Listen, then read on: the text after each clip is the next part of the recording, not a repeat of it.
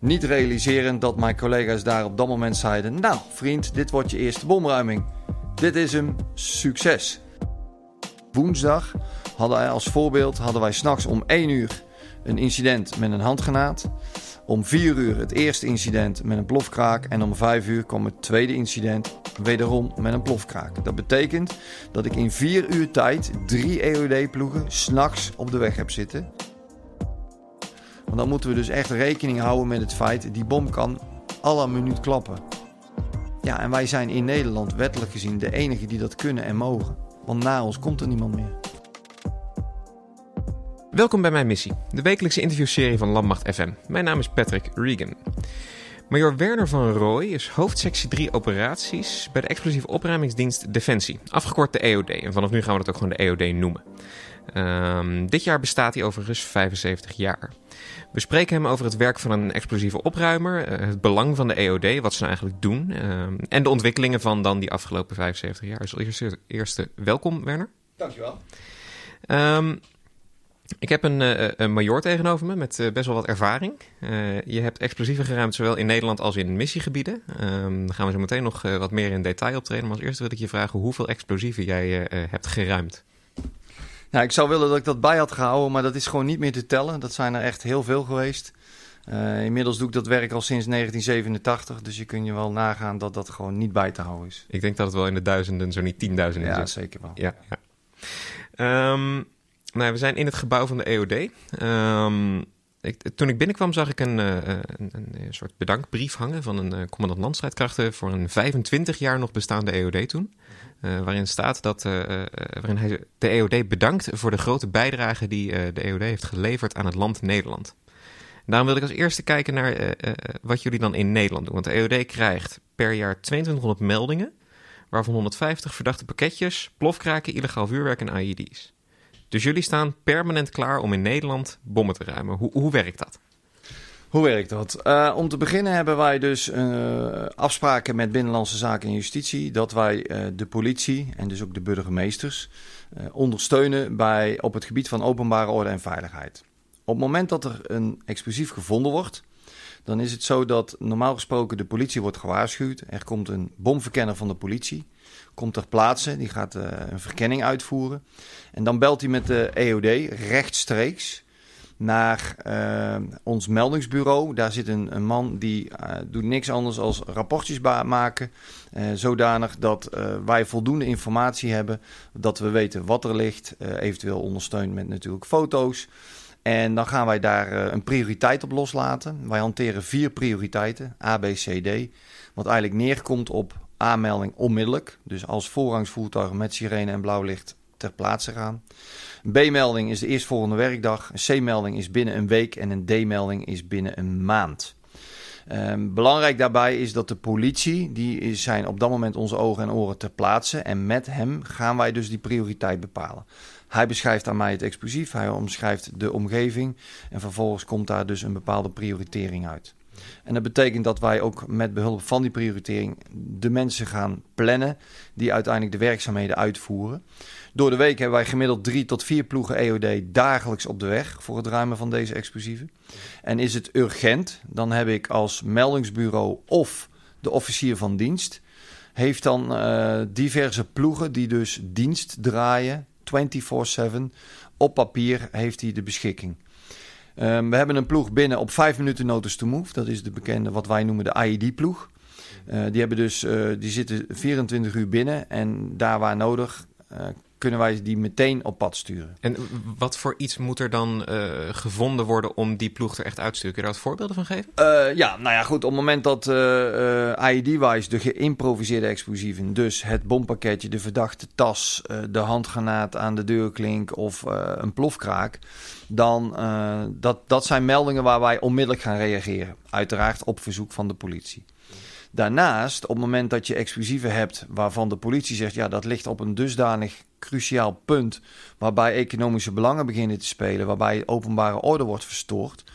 Um, dus stel voor bij graafwerkzaamheden vind je een vliegtuigbom midden in de stad. Ja, dan is het openbare ordeverhaal is natuurlijk dusdanig belangrijk. Je wil niet dat bij een ongewilde explosie van zo'n explosief dat er doden en gewonden vallen. Dus op dat moment betekent dat meteen werkzaamheden stilzetten. Zorgen dat er initieel een veiligheidscirkel gemaakt wordt om het explosief heen. Dat er verder niemand bij kan komen. Dan vindt er op dat moment de melding plaats bij de EUD. En dan gaan wij met gezwinde spoed, oftewel de blauwe licht en sirene, gaan wij ter plaatse om het uh, artikel te identificeren. En op grond daarvan een plan te maken en daar waar nodig natuurlijk meteen te ruimen. Mhm. Zodanig dat we weer zo snel mogelijk terug kunnen naar normaal. En dat dus de openbare orde verder uh, niet in het geding komt. En dat wij uh, ook de economische belangen weer behartigd zijn. En dat we dus weer een normale situatie hebben. Ja, ja. Oké, dus dat is dan het, het, het vijf minuten team. Uh, en dan staat er nog meer nee, klaar. dat is... Dat, dat, daar ben ik misschien niet helemaal duidelijk in geweest. Maar um, het team wat we sturen is afhankelijk van de soort melding. De ploeg die we binnen hebben eh, op die vijf minuten, dat is puur de IED-ploeg. Daarnaast hebben we een tweede ploeg binnen. Die kunnen reageren. Die hebben een notice to move van één uur. Dat wil zeggen, die zijn of thuis. Die bel ik op als officier van dienst. Ik heb voor jullie een nieuwe melding. Gaat hij naar de kazerne? Dan pakt hij zijn auto, zijn spullen en dan gaat hij rijden. Dat betekent dat hij binnen één uur moet hij dus rijden richting de melding. Woont hij verder weg als die ene uur, betekent dat die collega altijd binnen zit op het moment dat hij dienst heeft, want anders kan hij niet voldoen aan dat uur. Betekent dat de reactietijd dan natuurlijk ook veel korter wordt. Ja. ja. Ehm, dat is dus geïmproviseerde meldingen, conventionele meldingen. En daarnaast hebben we bij maritieme EOD in Den Helder zo'nzelfde EOD-ploeg ook standby op papier. Op één uur notice to move. Alleen die, die mannen die doen dus werkzaamheden op het land. Daarmee moet je denken aan eh, de kop van Noord-Holland, uh, Friesland, Groningen, de kustlijn, maar ook op schepen. En we hebben heel veel meldingen van uh, met name baggerschepen die dus zand opzuigen op de, op de Noordzee. En die machines die daar aan boord zijn, die zijn zo krachtig dat granaten, allerlei minuutsartikelen worden gewoon mee aan boord gezogen. En daardoor krijgen we dus ook meldingen die specifiek zijn voor de marine EOD om dus op zo'n schip te gaan reageren. Daarnaast ook vaak, nou niet vaak, maar het, het komt voor dat bijvoorbeeld een visser, een zeemijn of iets dergelijks, of een vliegtuigbom uh, opvissen in hun netten. En uh, uiteindelijk daar uh, aan boord dus een heel groot zwaar explosief hebben. En je hebt het over ploegen gehad. Hoe ziet dan zo'n ploeg eruit? Wat gaat er dan in die bus naar, naar zo'n bom toe? Een ploeg bestaat in principe uit drie mensen. Je hebt een ploegcommandant. Dat is de meest ervaren EOD'er in die ploeg en ook eindverantwoordelijke. Je hebt een juniorruimer. Dat is een, een sergeant die in opleiding is geweest tot EOD. En die, na de EOD-opleiding heeft hij zes tot acht jaar nodig om zich dus te ontwikkelen en ervaring op te doen. Om uiteindelijk uit te komen op het niveau van ploegcommandant. En daarnaast hebben we dan ook nog een chauffeur. Hebben we het over een marineteam, dan kun je daar aansluitend nog extra mensen hebben. En dan moet je met name denken aan de duikers. En die ploeg is dan groter, omdat daar dus meer disciplines bij komen kijken voor het uitvoeren van EOD-werkzaamheden onder water. Op het moment dat dus zo'n marineploeg aan het werk gaat. Je had het over vliegtuigbommen. Um, wat voor dingen worden er nou gevonden? Want wat ik begreep is het grootste gedeelte komt nog uit de Tweede Wereldoorlog. Ja, die 2200 meldingen waar je het over had, uh, het, het, het gros daarvan is allemaal gerelateerd aan munitie uit de Tweede Wereldoorlog, de overblijfselen. Dat kan zijn munitie die achtergebleven is. Gewoon in een, wapenopslag die uh, gewoon onder de grond verdwenen is en na jaren boven komt. Kan ook munitie zijn die gebruikt is in de oorlog en dus de bekende blindganger is. Dus die bom is afgegooid, heeft niet goed gefunctioneerd om allerlei redenen, maar ligt daar dus als blindganger. Maar dat geldt ook voor die handgranaat, voor die granaat of allerlei denkbare munitieartikelen. En stel nou dat iets uh, heeft geen haast. Um, ik ga er dan vanuit, het ligt ergens in een weiland ver weg van alles en iedereen, dus het heeft niet zoveel prioriteit. Hoe ga je daar dan mee om? Dan plan je op langere termijn? Of? Ja, dus uh, dan kom je weer terug op die prioritering. Hè, en dan kom je meestal uit ongeveer op een C-melding, dus binnen een week. Nou, dat betekent dan dat er een granaat door een boer gevonden is bij bijvoorbeeld het ploegen. Die granaat die heeft die eh, boer gemarkeerd. Hij belt de politie. Politie komt ter plaatse. Die doet een beschrijving. Die kijkt en die kijkt in de omgeving. Die zegt tegen die boer van... Wel, hè, moet jij hier nog zijn deze week? Dit of dat? Nee, is allemaal duidelijk. Ik, ik voorlopig niet. Prima. Dan blijft hij daar dus liggen. Meestal leggen ze er een laagje zand overheen dat hij uit het zicht ligt. Kleine markering erbij. Politie die beschrijft dan de locatie. En dat wordt dan op dat moment geprioriteerd als een C-melding. Dat betekent dat wij die melding binnenkrijgen en de mensen van de uitvoerende dienst die gaan dan kijken en die groeperen dan een x aantal meldingen. We gaan dus bijvoorbeeld naar richting, ik noem maar iets, Zeeland. Nou, dan krijgen ze dus drie, vier meldingen in de buurt bij elkaar en zo wordt er dan gepland. En dat geeft ons dus de planningsruimte om dus die uh, meldingen te kunnen groeperen. Want zou je dat niet doen, dan zouden we voor elke melding apart moeten rijden. Ja, dat betekent dat onze eenheid vier keer groter moet worden, want anders zouden we de aanvraag nooit aan kunnen. Want in zijn, in zijn geheel, zeg maar, hoe groot is de eenheid? Um, we hebben een grondgebonden compie, we hebben een maritieme compie. Daarnaast hebben we onze eigen EOD-school.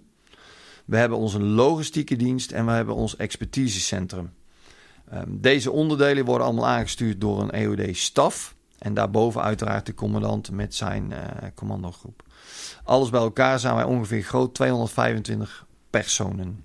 Je had het over een officier van dienst. Ja. Iemand die zit dan, neem ik aan, met een telefoon klaar en die krijgt dan de eerste melding binnen. Ja. Om te illustreren hoe, hoe, druk jullie zijn, hoe, hoe ziet je week er dan uit? Um, je moet het zo zien dat uh, overdag, door de week, van maandag tot en met vrijdag, hebben wij een meldingsbureau. Die is van ochtends 8 tot s avonds half 5 bezet alle meldingen die binnenkomen waar EOD-assistentie bij benodigd is. Dat kan dus zijn de politie, maar bijvoorbeeld ook de marechaussee of het kustwachtcentrum. Die kunnen allemaal bellen voor EOD-assistentie. Um, die worden dus daar behandeld. En de officier van dienst die neemt dus die telefoondienst over van half vijf tot de volgende morgen acht uur. In het weekend begint zijn dienst dus om half vijf vrijdagmiddag tot maandagochtend acht uur. Dat betekent dat hij dag en nacht bereikbaar is voor die diensten, indien ze dus EOD-ondersteuning nodig hebben. Dat betekent dat die politiemensen uh, bellen op het moment dat ze een explosief hebben gevonden.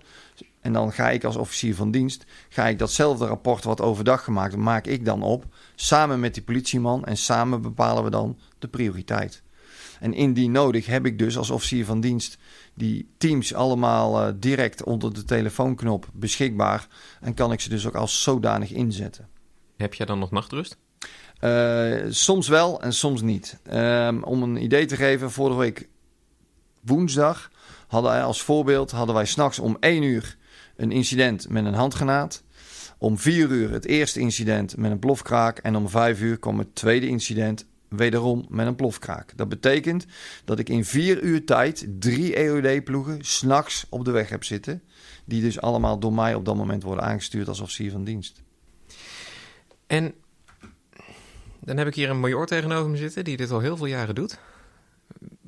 Waarom ga je in godsnaam bij de EOD? Want hoe verzin je het om vrijwillig naar een bom toe te lopen en die dan te gaan ruimen?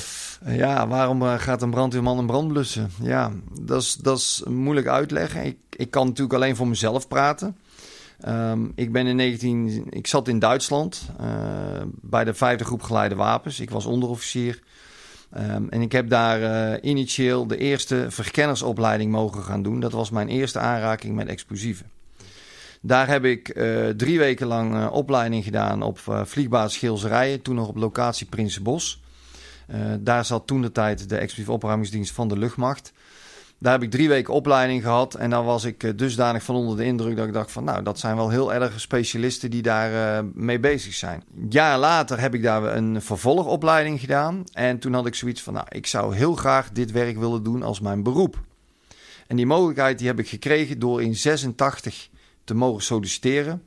En uiteindelijk heb ik daar een EOD-assessment voor moeten afleggen. De eerste überhaupt. Tegenwoordig is dat normaal. Toen de tijd was dat de eerste keer. En toen ben ik in april 87 begonnen, geplaatst bij de explosieve opruimingsdienst. En begonnen als zodanig met de opleiding EOD. En die heb ik in uh, 3 december 87 heb ik die opleiding afgerond en toen te werk gesteld als EOD'er. Voordat ik je vraag hoe die opleiding eruit ziet en misschien zag, Um, een EOD assessment. Wat is dat? Ga je dan kijken of iemand geschikt is om dit werk te doen? Ga je dan de stabiliteit van zijn handen testen? Of? Uh, nou, stabiliteit van handen is een groot woord. Maar wat men gaat doen, men gaat kijken naar competenties. Die zijn natuurlijk allemaal van tevoren bepaald. Wat zijn voor een EOD heel belangrijke uh, competenties? Daar word je op getest. Je gaat ook test, kijken naar leervermogen. En al die zaken die worden dan getest en daar komt ja, een, een, bepaalde waardering uit. En die waardering die is dan beschreven van nou daar en daar moet je minimaal al voldoen. Wil je dus überhaupt voor een functie in aanraking komen bij de exclusieve opruimingsdienst. Zijn er veel mensen die dat niet halen of is het een redelijk haalbaar iets? Um, nou ja, het is wel haalbaar, want uh, er zijn natuurlijk genoeg voorbeelden van collega's. Hier, dus, ja, precies. Ja. Dus, dus dat, dat is, het is te doen, maar er zijn zeker mensen die daarop stranden. Ja, zeker. En uh, dan die opleiding. Uh, ik weet niet of er veel veranderd is sinds je hier zelf bent begonnen, maar hoe, hoe ziet zo'n opleiding eruit? Um, de opleiding die bestaat eigenlijk uit meerdere modules. Je moet je voorstellen, je begint met een algemene module. Wat is een explosie? Wat is een springstof? Wat voor soort gereedschappen zijn er? Uh, voertuigen, kleding, uh, beschermende maatregelen, uh, al dat soort zaken. Is allemaal algemeen. En dan ga je praten over de module conventionele munitie. Oftewel, wat is allemaal fabrieksmatig gemaakt door een wapenindustrie. Um, die dus door militaire mogelijkheden gebruikt worden als munitie. Die zul je ook makkelijker, makkelijker kunnen ruimen. Daar kun je misschien makkelijker op plannen. Daarom is dat nou, de eerste stap. Makkelijker wil ik niet zeggen. Alleen daar is wel informatie van voorhanden. Je hebt een database. Vroeger deden we dat natuurlijk allemaal met boeken. Tegenwoordig is het een heel mooi computersysteem. En dan is het gewoon een aantal basisinformatie invoeren. En dan gaat het systeem voor jou zoeken. En dan kom je al heel gauw van: oh, het is dit of het is dat. Dat is het conventionele gedeelte. En dan als allerlaatste doen wij een module geïmproviseerde explosieven. En dat is eigenlijk wat um, degene maakt die, die met huistuin- en keukenmiddelen een bompakket maakt. Denk aan een klokje met een draadje en een blokje springstof. Uh, het geïmproviseerde explosief, oftewel een IED. Dat is wat ik uh, uh, de eerste keer dat je het woord IED noemde, leg ik gelijk de link met Afghanistan. Maar dat, gebeurt, dat is dus ook iets wat je in Nederland tegenkomt. Wat, wat, wat is het dan in Nederland? Nou, in Nederland is het eigenlijk exact hetzelfde. Alleen we hebben natuurlijk in Nederland geen strijdende partijen, maar dan is het vooral crimineel gerelateerd. Um, en dan moet je eigenlijk denken aan het bompakketje wat in een criminele organisatie gebruikt wordt voor het uitschakelen van, van in dit geval een, uh, of het vermoorden zelfs van een, uh, van een uh, ja, tegenstander, als je het zo mag noemen. Dus dan ben ik eigenlijk heel benieuwd als je dan die opleiding afkomt. En je gaat aan het werk. Herinner je je eerste explosief nog? Uh, ja, dat herinner ik mij heel erg goed. Dat was een uh, melding van een kleinere vliegtuigbom, een 100 pondertje, 50 kilogram bommetje. Een Amerikaanse bom in het Weerseloze bos bij vliegbasis Twente. Men was daar druk bezig met gereedschappen, nee, ik zeg het verkeerd, met een zoekactie. collega's van mij. En terwijl mijn collega's daar aan het werk zijn, wordt er een eind verderop in het bos een vliegtuigbom gevonden. Mijn collega's zijn daarbij geroepen. Ze hadden daar op dat moment niet het juiste gereedschap. Dus toen mocht ik als uh, jonge collega vanuit vliegbasis uh, Gilserijen met een vrachtwagen naar vliegbasis Twente om die desbetreffende gereedschappen te brengen. Niet realiserend dat mijn collega's daar op dat moment zeiden: Nou, vriend, dit wordt je eerste bomruiming. Dit is hem, succes. Maak een plan en voer uit. En dat was mijn eerste bomruiming is het um, bewuste keuze om iemand er zo blind in te laten gaan? Of is het normaal gesproken wel van je nee, weet wat want komen gaat? tijdens de opleiding uh, snap je dat wij natuurlijk ook al ontzettend veel hebben gedaan. En dat is iets waarin wij um, ja, uh, in, in, de opleiding proberen daar meteen aandacht aan te besteden. Uh, daarmee moet je voorstellen, um, je kan de bomruiming kun je met een oefenbom doen, of zo'nzelfde bom maar dan leeg. Dan snap je dat het gevoel wat je op dat moment hebt heel anders is als dat je voor de eerste keer naar een echte bom gaat. Nou, dat gevoel, dat kun je niet trainen. Met andere woorden, wij proberen in de opleiding, en zo heb ik het ook ervaren, zo snel mogelijk naar echte explosieven. Met andere woorden, dan, dan heb je dat gevoel niet van, oh, en nou ga ik naar een echte bom. Nee, dat, dat heb je al lang gehad. Dus voor mij was dat niet de eerste keer dat ik met live explosieven te maken kreeg. want in mijn opleiding heb ik ook al de nodige explosieven geruimd. Weliswaar onder begeleiding en dan heette het stage. Dus in die zin uh, was dat op dat moment voor mij niet meer nieuw.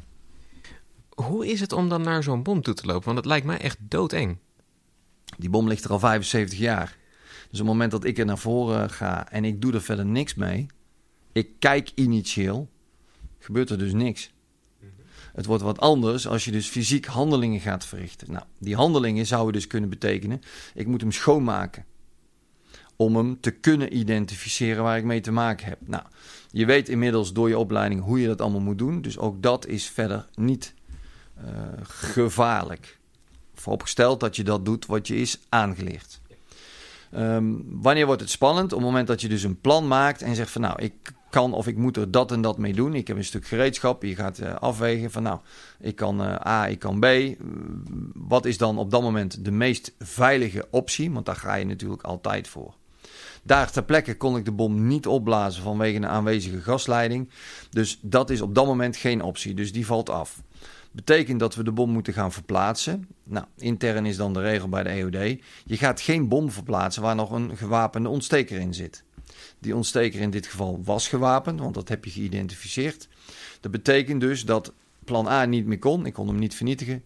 Dan ga ik dus de ontsteker verwijderen voordat ik hem ga verplaatsen. Nou, dat doe je dus in dit geval met een stuk gereedschap. Nou, dan ga je dat gereedschap ga je klaarmaken. Je plaatst je gereedschap. Dat is dan een kritieke handeling. Nou ja, kritiek. Dat is een handeling aan het explosief. Want je zit fysiek aan die bom en aan die ontsteker. Je plaatst je gereedschappen en dan ga je op veilige afstand onderdekking. En dan is het 3, 2, 1. Dan activeer je de ontsteker. Nou, en dan zie je gelijk uh, hoe wij het vroeger deden en hoe het tegenwoordig gaat. Vroeger dan was het uh, wachten, een veilige wachttijd afwachten. En dan gingen we daarna ging eenmaal naar voren om de zaak te controleren. Is de ruiming succesvol geweest? Tegenwoordig hebben wij camerasystemen staan en kunnen wij in een split second zien het is gelukt of niet. Want je kijkt gewoon live mee op de camerabeelden. En dat is, dan zie je dus ook gelijk de evolutie tussen hoe wij toen de tijd gingen ruimen en hoe dat tegenwoordig gebeurt. Heb je altijd een, een bompak aan? Nee, bompak is puur alleen maar bedoeld voor het ruimen bij geïmproviseerde explosieven. En de uitleg is eigenlijk heel simpel. Geïmproviseerde explosieven, um, daarvan weet je niet het bestaan en je weet ook nog niet hoe die werkt. Initieel op het moment dat je daar aankomt.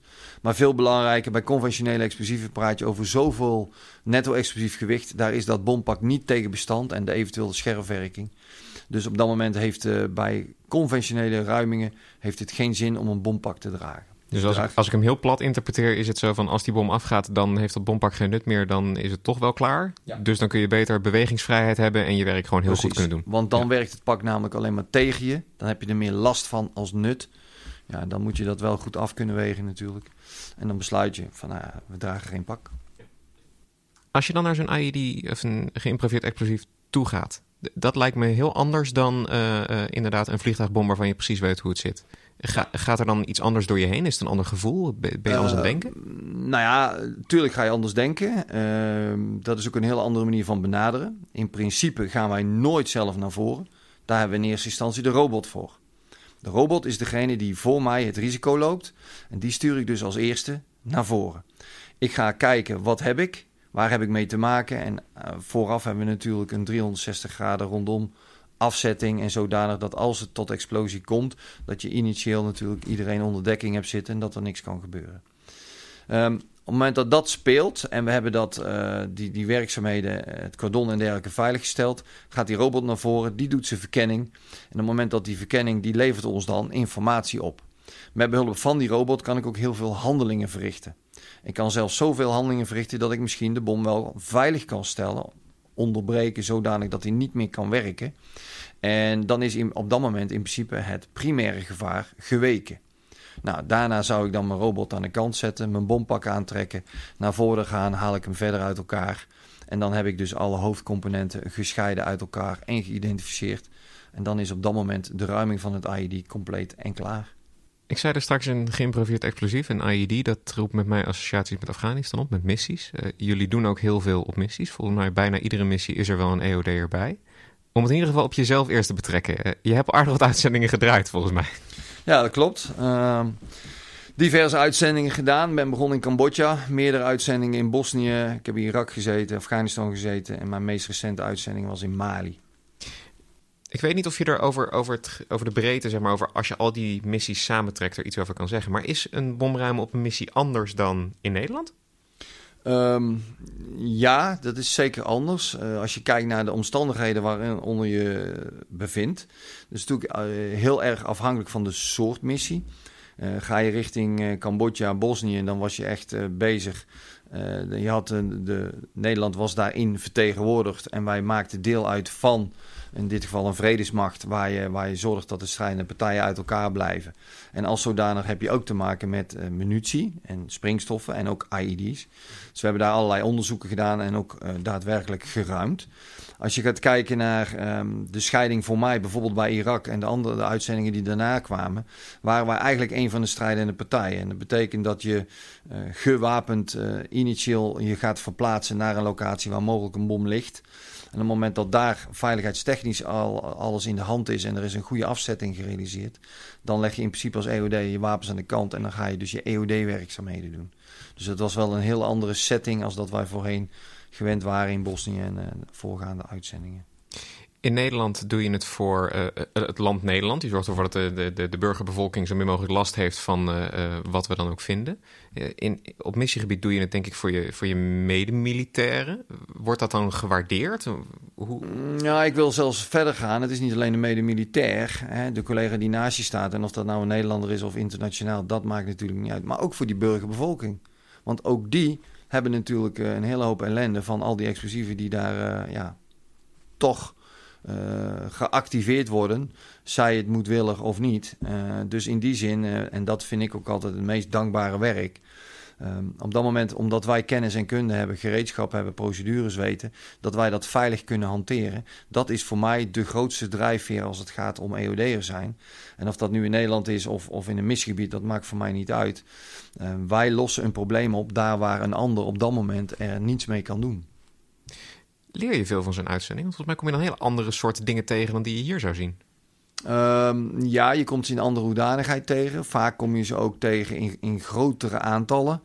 Uh, wij vinden hier 1, 2 granaten met uitschieters. Uh, een paar weken geleden al 132 uh, mijnen. Prima. Dat, dat is op dat moment veel.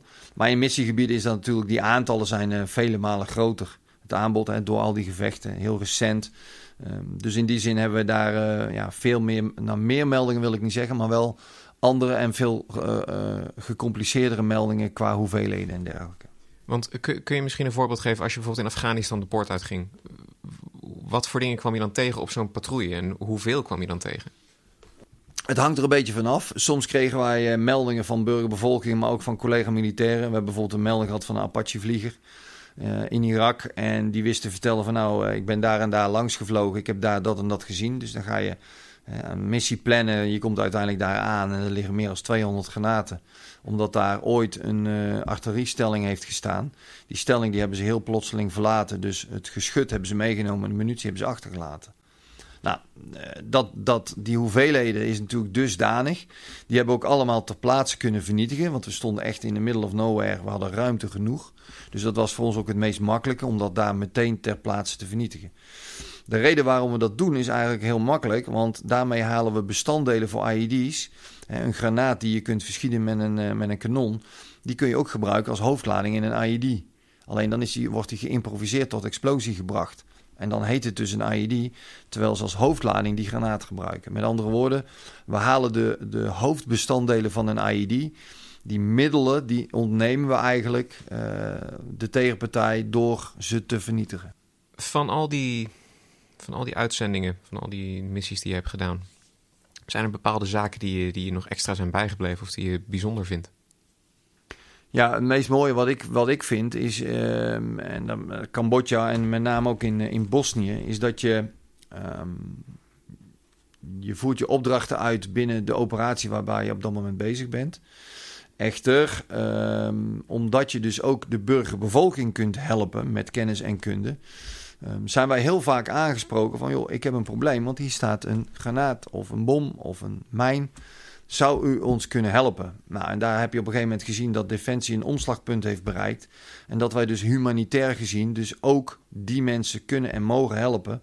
Simpelweg omdat we de kennis, de kunde en de spullen daarvoor hebben. En dat was voor mij een heel erg mooi punt binnen uitzendingen. Dat je dus niet alleen maar militair, maar ook zeker civiel, humanitair bezig bent. Het, het, een aanname van mijn kant, maar het, het, belangrijkste gedeelte van jullie werk gebeurt misschien wel in Nederland. Um, ons grote voordeel, denk ik, is dat uh, als je gaat kijken naar militaire eenheden die zich voorbereiden op missie, bereiden ze zich voor in Nederland op een missie die gaat komen in het buitenland. Onze werkzaamheden verschillen niet. Wij ruimen explosieven in Nederland en wij ruimen explosieven in missiegebieden. De omstandigheden waaronder je dat doet, dat is natuurlijk wel anders. Echter, ook in Nederland geldt exact hetzelfde. We vinden een hele hoop explosieven, met name uit de Tweede Wereldoorlog. Ehm, ja, en wij zijn in Nederland wettelijk gezien de enige die dat kunnen en mogen. Want na ons komt er niemand meer. 75 jaar, wat is er veranderd? Uh, veiligheidsbewustzijn, met name. Uh, natuurlijk de techniek en tactiek om bepaalde zaken te kunnen doen. En daarmee bedoel ik uh, de evolutie van gereedschappen. Het is allemaal makkelijker, handzamer, lichter. Ehm, veiligheidstechnisch zijn we natuurlijk ook veel bewuster geworden door de jaren heen. Zeker zoals je zag hoe dat gebeurde in en na de oorlog ten opzichte van nu. Um, er zijn al, allerlei kritieke handelingen die moeten verricht worden. gebeurt tegenwoordig altijd maar door één persoon. En zeker niet met twee, drie omstanders die in je nek meestaan te kijken. Want heel simpel, op het moment dat het dan fout gaat, heb je dus wel vier uh, mensen die komen te overlijden bij zo'n explosie. In plaats van één. In, in 75 jaar heeft, uh, los van je eigen uh, loopbaan, heeft de EOD duizenden, honderdduizenden, misschien wel miljoenen explosieven geruimd. Zijn er nog dingen waar je zenuwachtig van wordt? Kan er een melding binnenkomen dat je denkt: oh, dit is wel heel wat? Nee. Uh... Jawel, er is er, is wel één. Um, je moet je voorstellen. Um, er zijn munitieartikelen die door de jaren heen alleen maar gevaarlijker worden. Ik zal je twee voorbeelden noemen.